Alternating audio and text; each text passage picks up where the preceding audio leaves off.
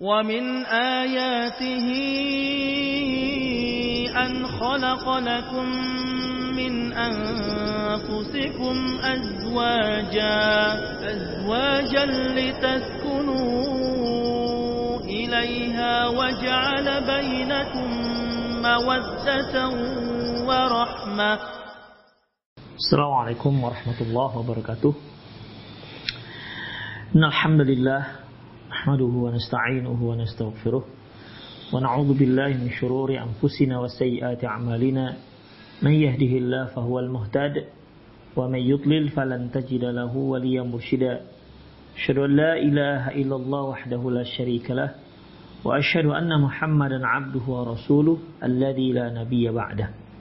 وقال الله سبحانه وتعالى يا أيها الذين آمنوا اتقوا الله حق تقاته ولا تموتن إلا وأنتم مسلمون. وقال عز من قال يا أيها الذين آمنوا اتقوا الله وقولوا قولا سديدا. يصلح لكم أعمالكم ويغفر لكم ذنوبكم. ومن يطع الله ورسوله فقد فاز فوزا عظيما. يا أيها الناس اتقوا ربكم الذي خلقكم من نفس واحدة وخلق منها زوجها وبث منهما رجالا كثيرا ونساء. واتقوا الله الذي تساءلون به والأرحام إن الله كان عليكم رقيبا أما بعد نستقل الحديث كتاب الله وخير الهدي هدي محمد صلى الله عليه وسلم وشر الأمور محدثاتها وكل محدثة بدعة وكل بدعة ضلالة وكل ضلالة في النار kaum muslimin dan kaum muslimat, para pemirsa serta para pendengar di mana pun anda berada. Alhamdulillah sore hari ini kita kembali dapat melanjutkan kajian kita masih dalam kitab uh, 20 nasihat Ishrun nasihat li ukhti qabla zawajiha di mana kita sudah sampai pada an-nasihatu hadiyah asyarah yaitu nasihat hadiyatu asyarah. Nasihat yang ke-11 apa nasihat yang ke-11 kuni da'iyatan la qadiyatan. Jadilah engkau wahai para istri seorang da'iyah yaitu yang mengajak suamimu ke jalan Allah la qadiyah bukan seorang yang sedang menghukumi sang suami maksud beliau yaitu ketika seorang suami melakukan perbuatan yang diharamkan oleh Allah Subhanahu wa taala maka peran istri di sana itu mengajak suami agar dia kembali ke jalan Allah Subhanahu wa taala. Memposisikan dirinya sebagai hakim yang menghakimi perbuatan sang suami tersebut. Qad yakunu zawjuki mubtalan bi afatin minal umuril muharramah allati la tujibu al mufasalati bainal azwaj. Bisa saja uh, seorang istri ataupun bisa saja suamimu dia terjerumus pada perbuatan yang diharamkan di mana tidak harus sampai berpisah. Yang tidak melazimkan perbuatan haram tersebut harus bercerai harus terpisah antara suami dan istri. Fa in kana jika memang demikian, fa uh, fa'lami anna man anna min a'zami huquqihi az-zawjiyyah 'alayki tikraru munasahah. Bahwasanya ketahuilah Syekh mengatakan bahwasanya ketahuilah di antara hak yang terbesar sang suami yang wajib untuk anti yang wajib untuk ditunaikan oleh para istri yaitu senantiasa memberikan nasihat kepada sang suami. tikraru munasahatihi yaitu senantiasa terus memberikan nasihat-nasihat. Dan memang ikhwah uh, siapalah di antara suami yang tidak ada kesalahan? Apakah ada suami yang tidak pernah melakukan perkara yang diharamkan? Karena memang yang namanya manusia, ya baik suami maupun istri, merupakan jenis makhluk yang memang Rasulullah katakan bersalah. Bukankah Rasulullah Sallallahu Alaihi Wasallam pernah mengatakan, "Kullu bani Adam khata'in, kullu bani Adam khata'un." Semua anak Adam itu bersalah. Wa khairu khata'in at-tawwabun. Dan sebaik-baik orang yang bersalah yaitu orang yang bertaubat. Kesalahan di sini maksudnya kesalahan di sini Rasulullah gandengkan dengan bertaubat. Berarti kesalahan yang maksud adalah sebuah dosa. Karena tidak semua kesalahan itu dosa. Misalnya ini ada orang yang uh, apa namanya salah misalnya salah pakai sendal misalnya bisa aja. Ya. Itu di antara kesalahan kes, contoh kesalahan yang tidak ada dosanya. Namun yang dimaksud Rasulullah wa khairul khata'in at-tawwabun. Sebaik-baik orang yang bersalah adalah yang bertaubat. Dari kalimat ini bisa kita simpulkan bahwasanya bisa kita pahami bahwasanya salah yang dimaksud dalam hadis ini adalah salah yang merupakan sebuah perbuatan dosa sehingga dia harus bertobat akan perbuatan tersebut. Baik suami maupun istri pasti pernah melakukan kesalahan, pasti pernah melakukan sebuah dosa. Oleh karena itu di sini perlunya menasehati, saling menasehati. Ya, jika seorang istri melakukan kesalahan, melakukan sebuah dosa, suami yang menasehati. Demikian juga sebaliknya. Ad-dinun nasihat. Agama itu ya nasihat. Ad-dinun nasihat. Agama itu ya nasihat. Sebagaimana sabda Rasulullah sallallahu alaihi wasallam, Al-hajju Arafah. Haji itu ya Arafah, di Arafah. Artinya kalau ada orang haji tapi nggak wukuf di Arafah, maka tidak ada hajinya, tidak sah hajinya. Demikian juga ad-dinun nasihat. Agama itu ya nasihat, amar ma'ruf nahi mungkar. Kalau amar ma'ruf nahi mungkar tidak dilakukan oleh kaum muslimin, maka agama ini akan habis, pupus, punah. Ikhwah di mana pun anda berada, ya jadi di antara hak suami yang terbesar terhadap istrinya yaitu senantiasa memberikan nasihat-nasihat. Ya, uh, masukan-masukan kepada sang suami, masukan-masukan yang baik. Wa inqadhuhu min wahlil ma'siyati allati futina biha dan menyelamatkan dia dari lumpur kemaksiatan yang sedang dia alami. Karena maksiat itu ikhwah sebuah kotoran, ya. Terutama yang terutama kotoran yang mengotori hati setiap manusia. Allah Subhanahu wa taala mengatakan, "Kalla bal rana ala qulubihim ma kanu yaksibun." Ketahuilah bahwasanya hati mereka kotor atas uh, dikarenakan dosa-dosa yang mereka lakukan. Jadi seorang melakukan maksiat, dia seperti seorang yang sedang terjerumus dalam lumpur, dalam kotoran kemaksiatan. Makanya kalau kita melihat seorang itu sedang terjerumus pada lumpur kemaksiatan, maka hendaklah kita berupaya berusaha untuk menyelamatkan dia, menarik dia kembali dari dari agar bisa keluar dari kemaksiatan yang sedang sedang menimpanya. Fahuwa asirun maksi, fahuwa asiru maksiatihi. Eh, ketika sang suami terfitnah uh, apa namanya atau sedang melakukan kemaksiatan, maka dia itu seperti seorang yang sedang ditawan oleh kemaksiatan. Dia sulit untuk melepaskan diri dari belenggu kemaksiatan yang sedang menerpa dirinya. Ya, seolah, seolah dia sedang terikat dengan kemaksiatan. Eh, wah banyak loh orang-orang yang mengetahui ini sebuah kemaksiatan, tapi dia sulit untuk melepaskan diri dari kemaksiatan tersebut. Seolah dia sedang dipenjara dengan maksiat tersebut. Dia tahu ini kemaksiatan. Ya. Dia tahu ini sebuah dosa. Tapi sulit bagi dia untuk beranjak, untuk melepaskan diri dari kemaksiatan tersebut. Sulit bagi dia untuk melepaskan diri dari belenggu kemaksiatan itu. Jadi perlu orang-orang yang dekat, orang-orang yang mencintainya, ya agar dia bisa terlepas dari kemaksiatan.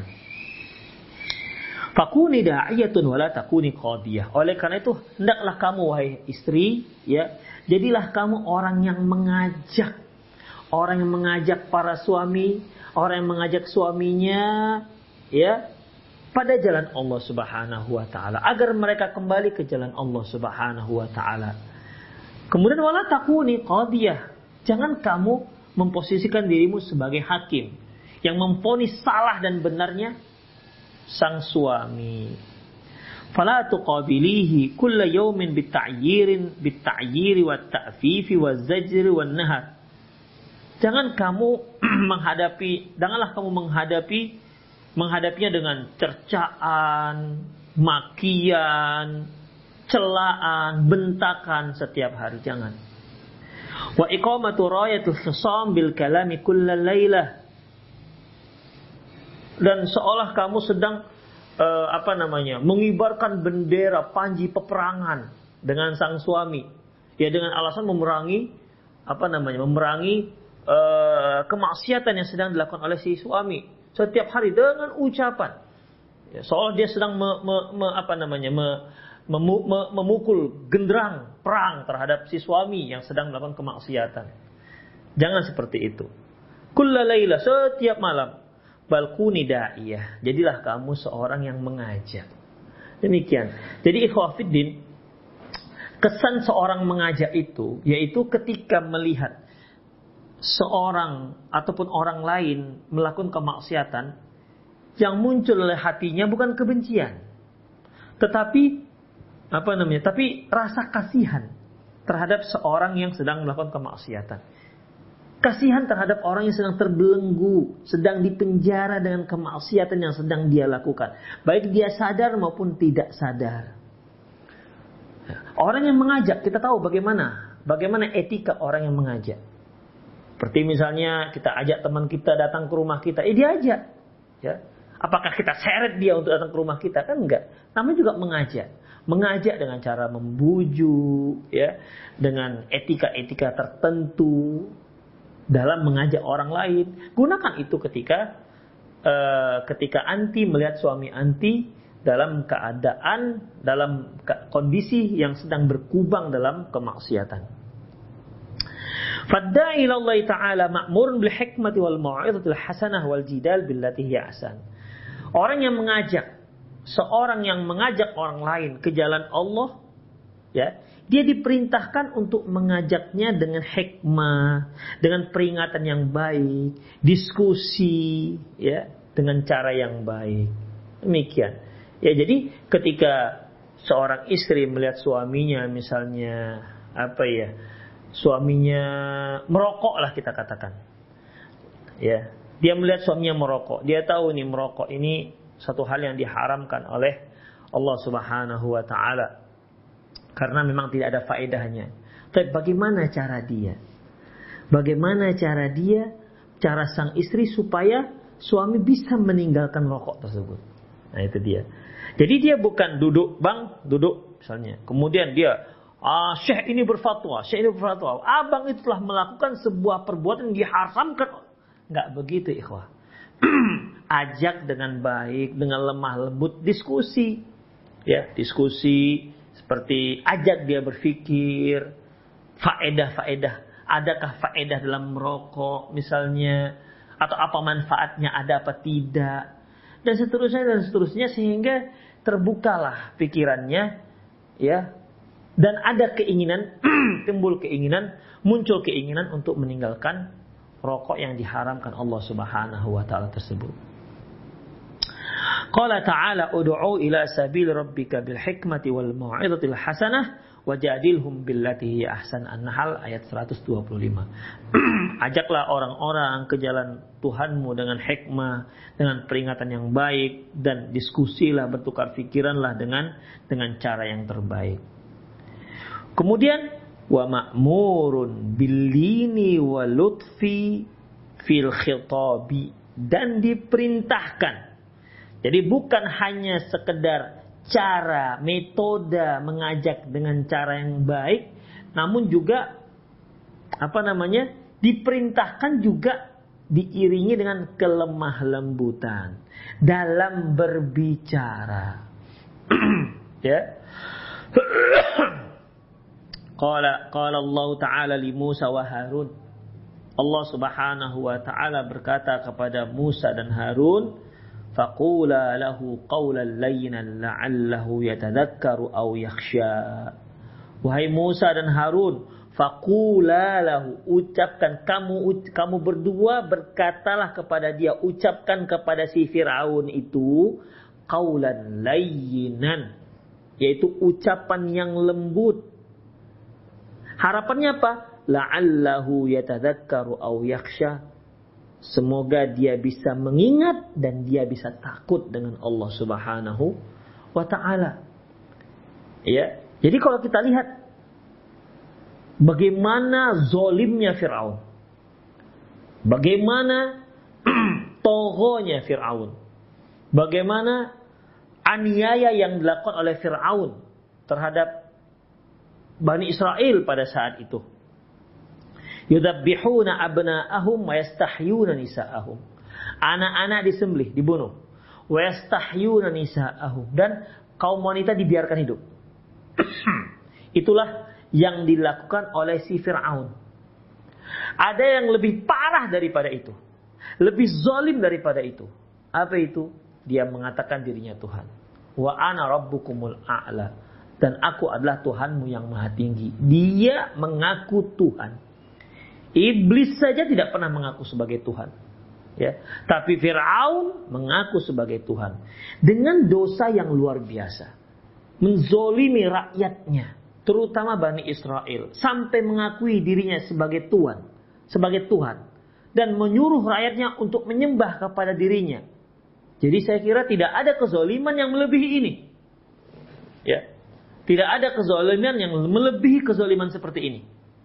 Namun begitu pun Allah Subhanahu wa taala menyuruh memerintahkan kepada Musa dan Harun faqula lahu qawlan layyinan. Musa, Harun pergi ya, idhaba idhaba ila fir'auna innahu tagha. Musa, Harun ya, pergi kalian berdua ke Firaun. Innahu toho. Dia itu sudah melampaui batas. Dia itu sudah banyak melakukan kezaliman. Yang paling parah mengaku sebagai Tuhan lagi. Allah sudah mengatakan, innahu toho. Dia melampaui batas. Namun, untuk orang yang seperti ini bagaimana? Fakula lahu lainan.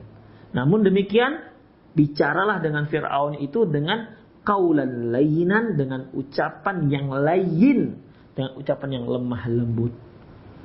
Harapannya la'allahu yatadzakkar aw yakhsha, semoga dia bisa teringat, mengingat dan dia bisa takut kepada Allah Subhanahu wa taala. Apabila Firaun yang Allah katakan toho melampaui batas, melakukan tindak kezaliman, pembunuhan, pembunuhan massal, bahkan mengaku dirinya sebagai Tuhan. Begitupun Allah perintahkan Musa dan Harun untuk mengajak Fir'aun ke jalan Allah dengan cara yang lembut, dengan lemah lembut, dengan ucapan yang lembut. Bagaimana dengan suami anti? Apakah suami anti sudah melakukan tindak kezaliman seperti selevelnya Fir'aun? atau mungkin di atas levelnya Firaun sampai dia diingatkan dengan cara yang kasar, diingatkan dengan sumpah serapah, diingatkan dengan caci maki dan bentakan-bentakan? Tidak. Ya, apabila selevel Fir'aun, kelas kemaksiatan kedurhakaannya kepada Allah, harus diingatkan dengan cara kaulan lainan, ucapan yang baik, ucapan yang lembut, berarti di bawahnya harus lebih lembut lagi. Demikian itu logikanya. Ya. Itulah logikanya. Kita lihat ayat ya. Allah kan mengatakan, Idhaba ila fir'auna innahu tagha. Musa Harun pergilah menemui Fir'aun. Innahu tagha. Dia telah melampaui batas. Faqula lahu qawlan layyinan. Ucapkanlah kepada dia dengan ucapan yang lembut. La'allahu yatadhakkar. Au yakhsha. Semoga dia bisa mengingat dan dia bisa takut. Kita lihat bagaimana respon Nabi Musa dan, dan Nabi Harun. Qala rabbana inna nakhafu ay yafruta alaina au ayyataha. Musa dan Harun berkata, Ya Allah, wahai Tuhan kami, kami takut, kami khawatir, dia nanti akan menyiksa kami, dan dia akan melampaui batas terhadap kami. Jadi pada saat itu Nabi Musa sendiri khawatir berhadapan dengan Fir'aun. Takut dengan keselamatan dirinya. Demikian. Ya. Itu pun dengan cara dalam kondisi takut itu tetap Musa Harun bicara dengan dengan Firaun dengan cara yang lemah lembut. Demikian, tapi tetap datang, tetap harus disampaikan. Adakah suami anti selevel Firaun kemaksiatannya? Tidak. Ya. Adakah anti merasa takut takut disiksa oleh sang suami, dibunuh oleh sang suami? Tidak kan? Berarti ya anti harus me, apa namanya berupaya untuk mengajak suami anti ketika dia terjerembab dalam kemaksiatan dan lakukan caranya dengan ucapan yang lembut. Demikian ikhwah rahimani Allah wa iyyakum. Ya. Allah Subhanahu wa taala firman dalam surah Al-Baqarah ayat 83, faqulu linnas wa qulu linnasi husna. Ucapkanlah ucapan yang baik kepada manusia. Itu ikhwafidin. Apalagi kita mengajak manusia ke jalan Allah Subhanahu wa taala. Kita berharap dengan ucapan kita yang lembut, ya dengan ucapan yang lembut, kita berharap dia bisa menerima. Karena ikhwah, sebagaimana yang sering saya singgung, kita tuh hanya berupaya semoga Allah memberikan hidayah kepada seseorang melalui kita. Semoga anti Allah tunjuk sebagai apa namanya perantara hidayah yang diberikan kepada suami anti. Makanya berupaya bagaimana sebaik mungkin menjadi agen hidayah ini. Demikian ikhwah. Ini ini hidayah ini suatu perkara satu hal yang sangat berharga. Allah tidak berikan kepada sembarangan orang. Allah tidak berikan kepada sembarang orang. Ya. Karena ketika Allah memberikan hidayah kepada seseorang melalui kita, berarti ikhwah, walaupun sebenarnya Allah memberikan hidayah, tapi dia tapi melalui kita, ya. Setiap kebaikan itu dia lakukan, maka pahalanya mengalir kepada kita. Padahal yang memberikan hidayah adalah Allah Subhanahu wa taala. Innaka la tahdi man ahbabta, Allah yahdi man yasha. Engkau ya Muhammad tidak bisa memberikan hidayah kepada orang yang kamu cintai. Tapi sesungguhnya Allah lah yang memberi hidayah kepada siapa saja yang Dia kehendaki. Jadi bukan dikarenakan kehebatan kita memberikan penjelasan, orator, retorika, enggak, ya. Makanya ketika kita mengajak seorang ke jalan Allah yang perlu keikhlasan. Itu yang pertama, ikhlas karena Allah Subhanahu wa taala. Harapannya Allah menjadikan kita sebagai agen perantara hidayah tersebut. Ikhwah. Melalui kita lah dia mendapatkan sebuah hidayah. Demikian juga halnya dengan suami anti. Maka syaratnya apa ikhwah? Syaratnya yaitu qaulal layinan, ucapan yang yang baik dalam sebuah hadis di mana Rasulullah SAW bersabda, "Inna rifqa la yakunu fi syai'in illa zana wa la yunza'u anhu illa syana. Sesungguhnya kelemah lembutan itu tidaklah ada pada sesuatu maka kecuali sesuatu itu akan terlihat indah. Dan tidaklah dicabut sesuatu itu dari kelemah lembutan, lemah lembut, kelemah lembutan dicabut dari sesuatu illa syana pasti akan membuat dia menjadi menjadi buruk. Demikian. Makanya dalam masalah ini penting sekali dalam berdakwah itu perlunya kelemah lembutan. Walaupun tafaddan ghalidhul qalbi lam faddu min haulik. Kalau engkau kasar ya Muhammad, ya, walaupun tafaddan faddan ghalidhul qalbi. Kasar, keras dan hati keras lam faddu min haulik. Mereka semua akan cicing darimu, akan lari darimu, nggak mau mendekat. Demikian. Jadi modal yang teru, modal yang pertama ketika kita mengajak orang pada kebenaran, ya, dalam menyampaikan, dalam metode menyampaikan harus lemah lembut. Makanya Rasulullah juga pernah bersabda dalam hadis yang diriwayatkan oleh Imam Muslim yaitu mayyuhramul mayyuhramur rif yuhramu khairu uh, khair kullah. Barang siapa yang tidak pada dirinya tidak ada kelemah lembutan berarti dia berarti dia tidak memiliki kebaikan semuanya. Dia tidak mendapatkan banyak kebaikan, seluruh kebaikan. Mayyuhramu arif barang siapa yang terhalang terhadap uh, sifat lemah lembut yang tidak memiliki kelembutan ya yuhramu khaira kullah berarti dia telah terhalang mendapatkan banyak kebaikan. Demikian ikhwafiddin. Ya. Jadi kelemah lembutan itu suatu hal yang sangat penting sekali dalam kehidupan kita. Dalam hadis yang diriwayatkan oleh Imam Muslim dari Aisyah radhiyallahu anha, Rasulullah sallallahu alaihi wasallam bersabda, "Innallaha rafiq yuhibbur rifq." Allah itu rafiq, lembut. Yuhibbur rifq dan suka dengan kelemah lembutan. Nah, demikian. Jadi, wahai para istri, mari ajaklah suami anti di saat anti melihat dia sedang terjerembab, terjerumus, terprosok dalam kemaksiatan. Ajaklah dia dengan kelemah lembutan. Ajaklah dia dengan dengan apa namanya dengan perasaan kasih sayang. Seperti kita sedang uh, sedang apa namanya? sedang melihat orang yang sedang sakit dan kita ingin agar dia sembuh dari dari sakitnya. Kemudian, fa in ra'aitihi ala ma'siyatin fa alayki bi'iddatin umurin, bi'iddati umurin. Kalau kamu hai para istri melihat suamimu melakukan sebuah kemaksiatan, fa alayki bi'iddati umurin, maka hendaklah kamu melakukan hal-hal berikut. Yang pertama, ittila'u bil qira'ati was sima'i an hurmatil munkaril ladzi waqa'a fihi lima'rifatil qadaril akbar minal adillati wal hujaji ala hurmatihi hendaklah kamu meneliti ataupun mempelajari dengan cara membaca mendengar tentang keharaman ya keharaman tingkat ataupun level tingkat keharaman yang sedang dilakukan uh, oleh sang suami. Tentunya atas dasar dalil-dalil dan hujah-hujah.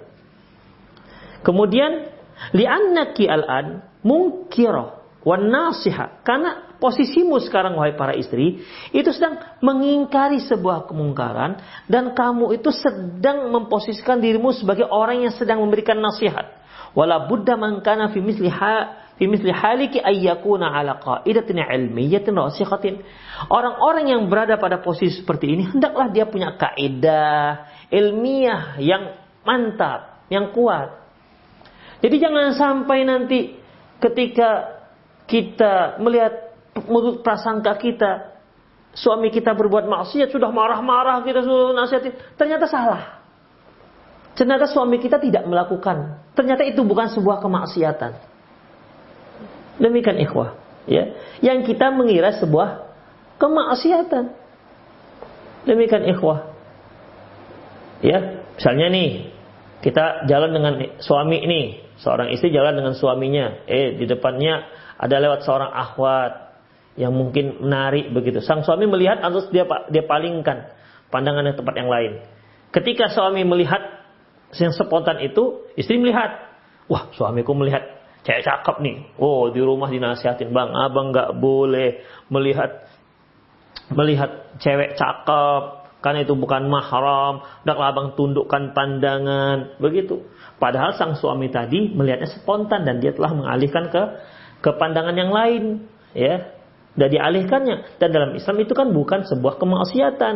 Nah, istri sudah kadang memberi nasihat, memposisikan diri sebagai seorang yang menasihati, tapi salah. Demikian, ya tapi ternyata salah.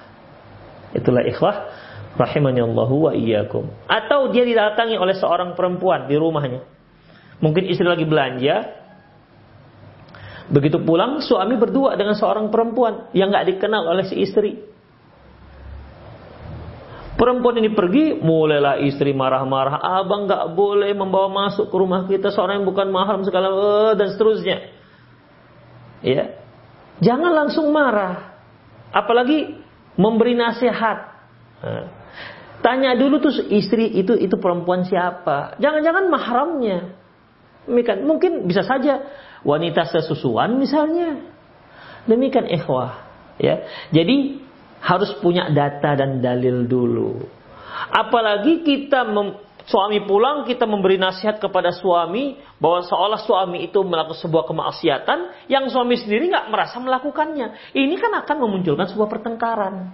Demikian. Jadi pastikan dulu, pastikan dulu suami betul nggak ini beritanya bahwa suaminya melakukan sebuah kemaksiatan. Kemudian betul nggak itu sebuah kemaksiatan berdasarkan Quran dan Sunnah Rasulullah Sallallahu Alaihi Wasallam. Jangan nanti salah, malu, ya. Itulah ikhwah. Jadi yang pertama yang harus anti ketahui bahwasanya ketika sudah pasti, sudah jelas, fix bahwasanya suami melakukan sebuah tindak maksiat di luar rumah misalnya, ya, dan itu pasti datanya jelas, kemudian Pastikan juga bahwasanya itu memang sebuah kemaksiatan dengan dalil-dalil. Karena banyak orang yang merasa tidak tidak maksiat. Ya. Dia merasa suatu hal yang biasa-biasa saja, ikhwah. Ya. Satu hal yang biasa-biasa saja. Misalnya ini uh, apa namanya? Kita punya mobil nih, ketemu dengan teman kita, teman perempuan, mungkin waktu SMA misalnya Kemudian diajak, eh ke mana nih yuk? Kita bareng biar saya antar ke rumah misalnya berdua begitu. Nah, kalau kalau kalau masyarakat kita banyak yang nggak tahu masalah ini. Mereka mengira ya itu kan sebuah kebaikan, memberikan jasa, memberikan kebaikan. Ini kan seorang perempuan jalan sendiri ya sudah diajak naik mobil diantarkan ke rumahnya berdua. Nah ini kan nggak semua orang tahu bahwasanya itu nggak dibolehkan dalam syariat. Istri tahu masalah ini, ya maka beritahukan kepada sang suami bahwasanya ini tidak dibolehkan. Walaupun di tengah masyarakat kita merasa itu sesuatu yang tidak masalah. Merasa suatu hal yang tidak masalah misalnya. Atau sang suami minjam duit dari bank. Yang kita tahu, istri tahu itu sebuah riba. Namun suami nggak tahu. Dia taunya ya orang-orang banyak melakukannya begitu. Demikian ikhwah. Jadi dalam masalah ini ya si istri harus punya ilmu yang jelas tentang uh, apa yang dilakukan sang suami itu memang benar-benar sebuah kemaksiatan.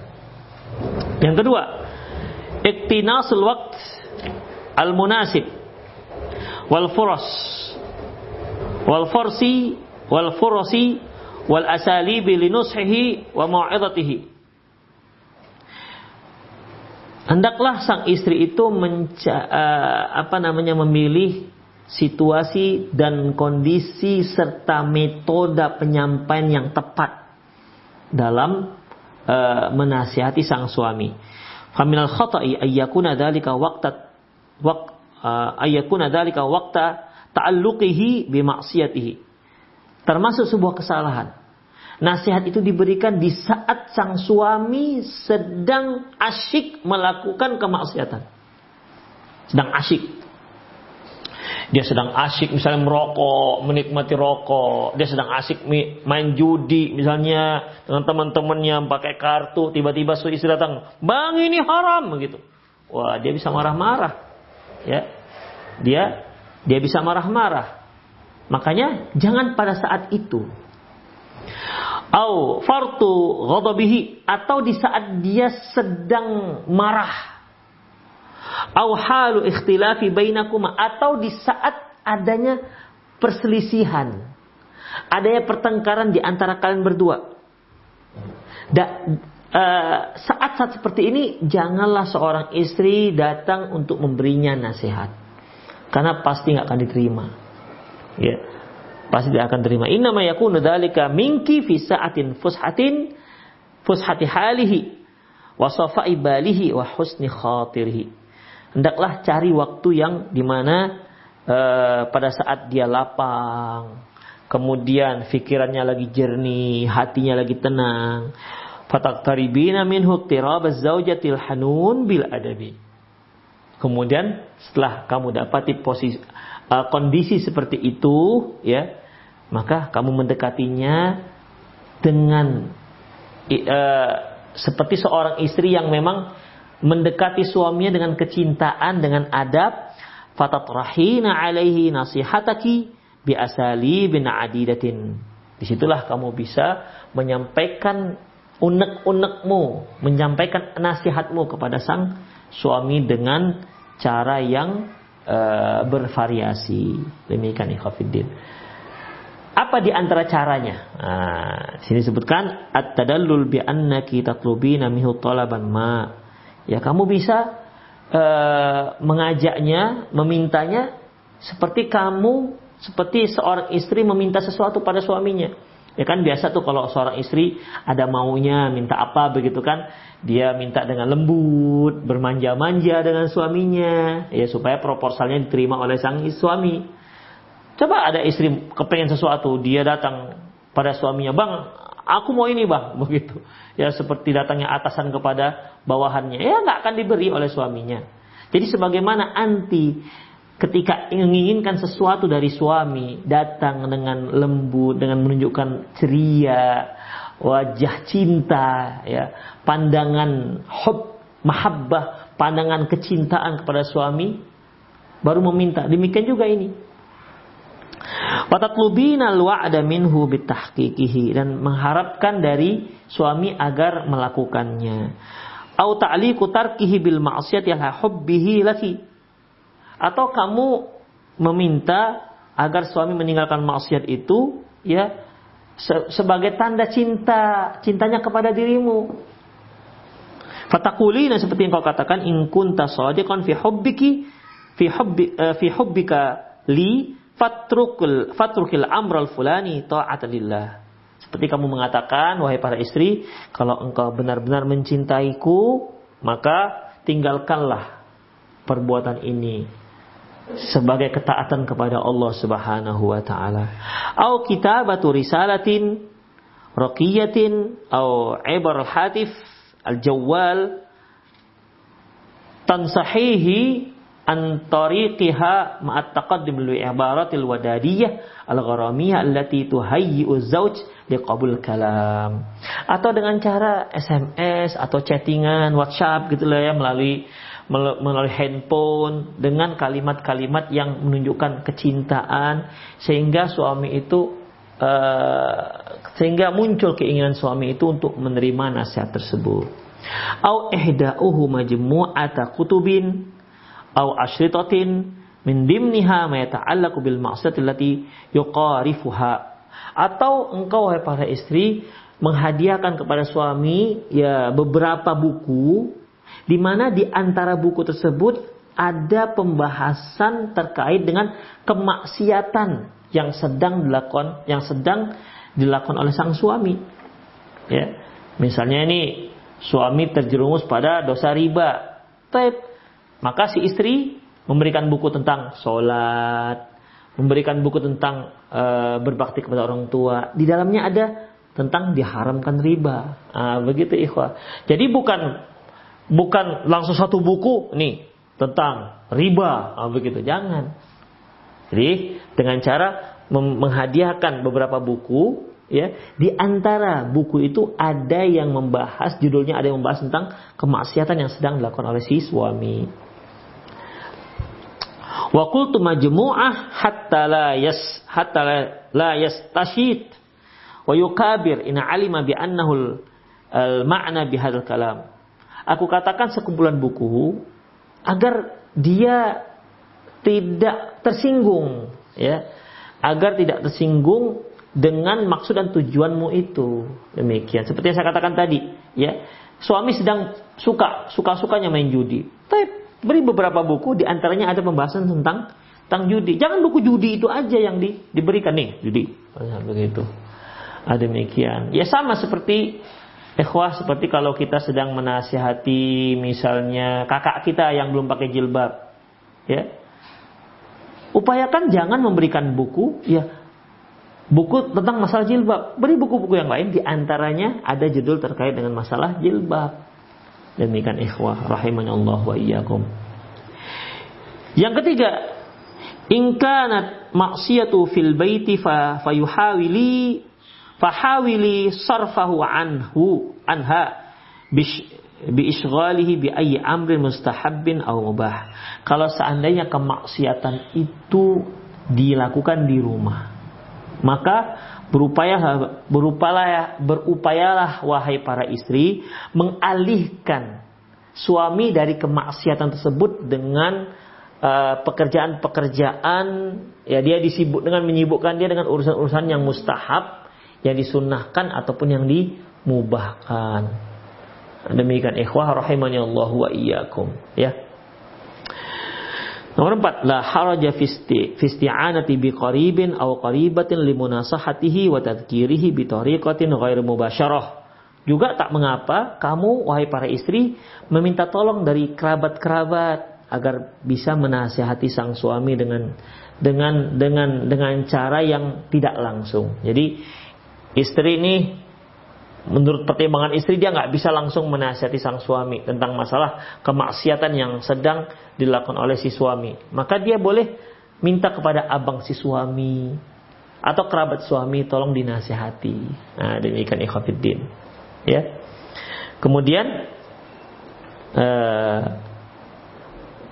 Ma'amuraati adami ma'rifatihi bi anna al-amra kana hasala ma'aki. Dengan memperhatikan jangan sampai Suami tahu bahwasanya kerabat itu menasihati si suami karena si istri apa namanya? Si istri ngadu kepada kerabat. Itu dia. Ya seolah-olah si kerabat itu mengetahui dengan sendirinya penyimpangan ataupun kemaksiatan dilakukan oleh sang suami. Kemudian yang kelima, as-sabru alaihi malam tarakufron bawah. Bawahan sabar. Ya, harus banyak sabar terhadap sang suami. Selama kamu wahai para istri tidak melihat dari si suami kufrun bawah kufrun yang jelas. Au fahishatan qabihatan atau perbuatan yang keji. La tastaqimul ashrah ashrati zaujiyati ma'ha yang tidak bisa Eh, dengan sebab itu tidak bisa seorang uh, apa namanya seorang suami bertah seorang istri bertahan dengan suaminya. Ya.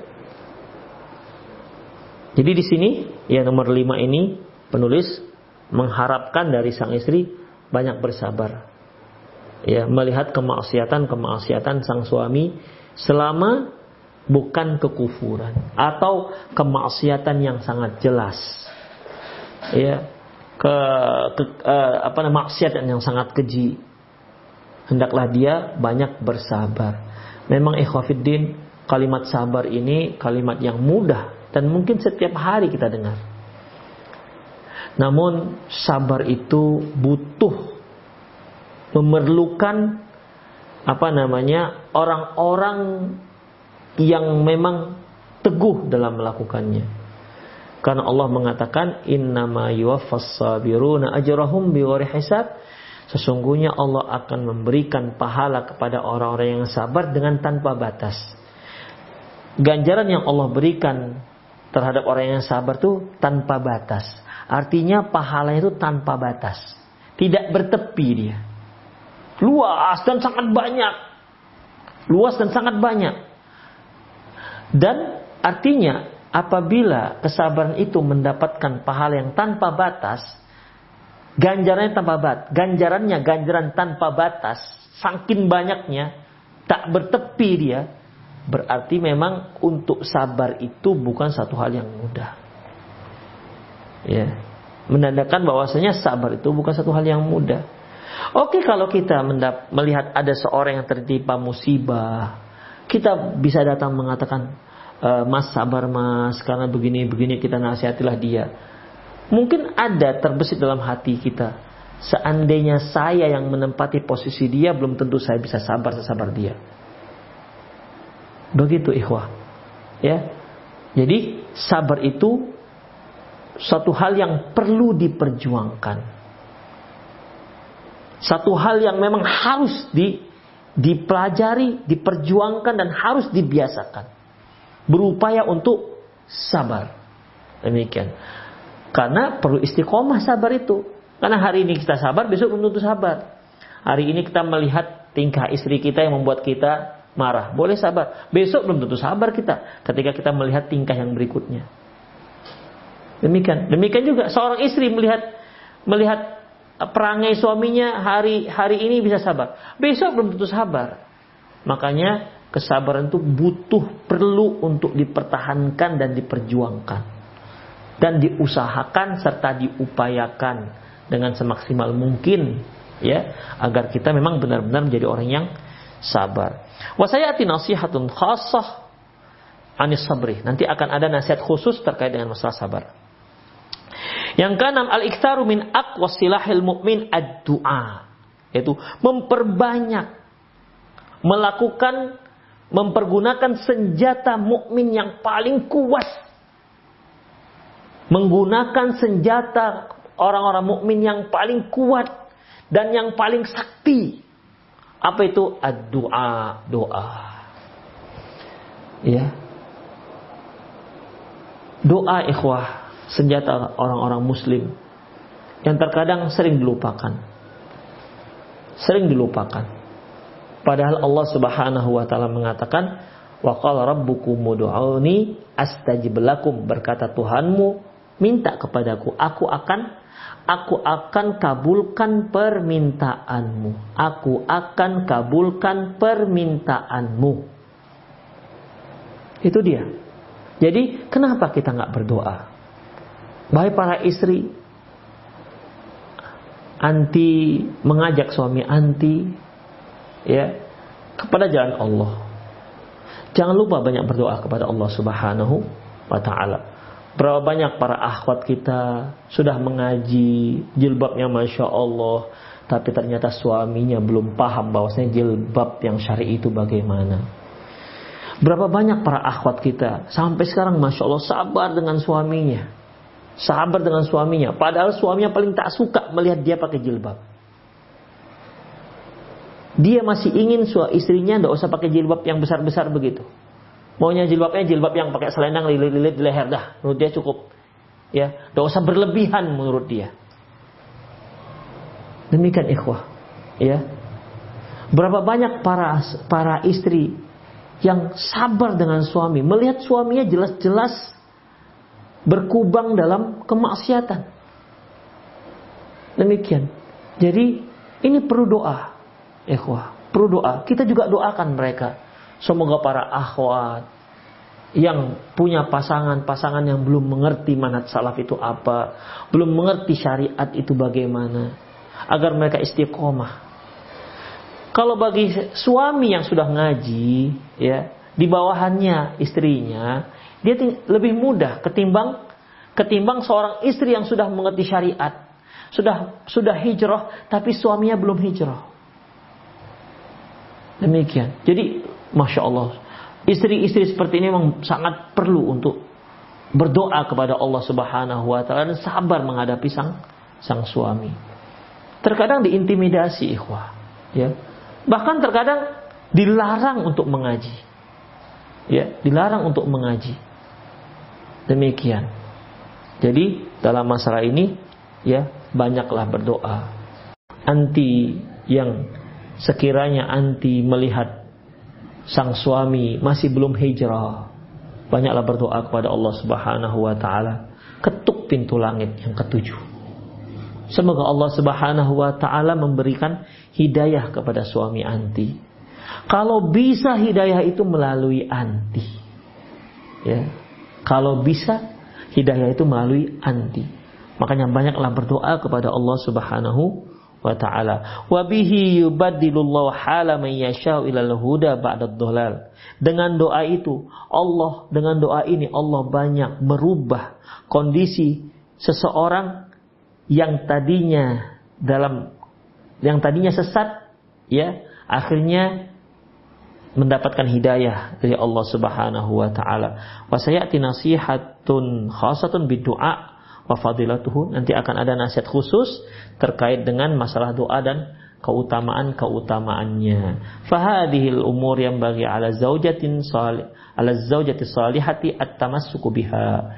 Inilah beberapa perkara yang seharusnya seorang istri yang solehah ya berpegang jadikan pondasi jadikan ini sebagai dasar uh, dalam rumah tangganya wa ada mutafitiha jangan sampai dia abaikan li islahi zaujiha ya demi untuk mengajak suaminya memperbaiki suaminya ya mengajak mengajak dia agar kembali ke jalan Allah Subhanahu wa taala. Demikianlah ikhwah ya.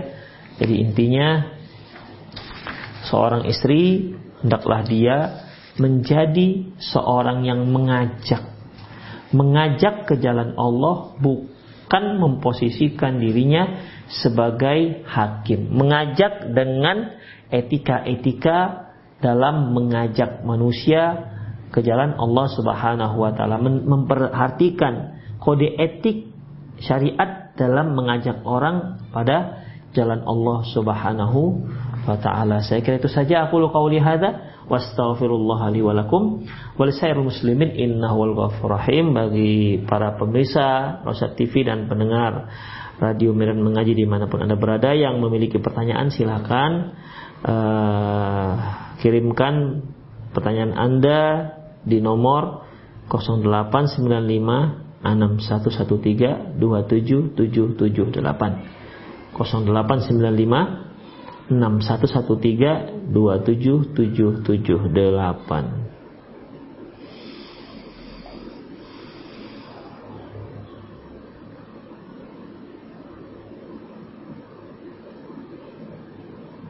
Ada?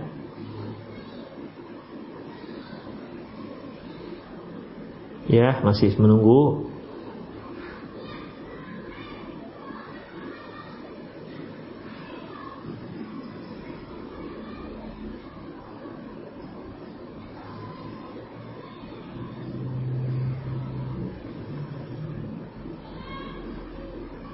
Tapi sepertinya pada sore hari ini tidak ada pertanyaan ya. Alhamdulillah berarti insya Allah sudah bisa memahaminya. Baik, kita tunggu agak satu menit lagi. Semoga ada pertanyaan yang masuk. Jadi sambil menunggu uh, pertanyaan yang dilayangkan ke kita, uh, jadi seorang istri itu ya banyak banyak bersabar menghadapi sang suami. Apalagi dia sebagai bawahan suaminya, ya. Dia sebagai orang yang ditanggung jawabi oleh suaminya. Banyak-banyaklah bersabar dalam menghadapi menghadapi sang suami. Ingat nasihat yang pertama. Ya. Di mana nasihat yang pertama itu barang siapa yang ingin memperbaiki hubungan antara dia dan manusia, hendaklah dia perbaiki hubungan dia dengan Allah Subhanahu wa taala. Kalau hubungan antara anti dengan Allah sudah sangat rapat dan erat, insya Allah Allah akan kabulkan semua permintaan-permintaan anti. Insya Allah Allah akan dengar permintaan-permintaan para istri yang solehah ini. Insya Allah. Tapi ikhwah sepertinya memang tidak ada pertanyaan. Semoga apa yang kita bahas bermanfaat. Lebih dan kurang mohon maaf aku lu qouli hadza wa astaghfirullah li wa lakum muslimin innahu wal ghafur rahim. Kita akhiri dengan subhanakallahumma wa bihamdik asyhadu an la ilaha illa anta astaghfiruka wa atubu ilaik. Wa sallallahu ala nabiyyina Muhammad wa ala alihi wa ashabihi ajma'in. Wa akhir da'wana alhamdulillahirabbil alamin. Assalamualaikum warahmatullahi wabarakatuh.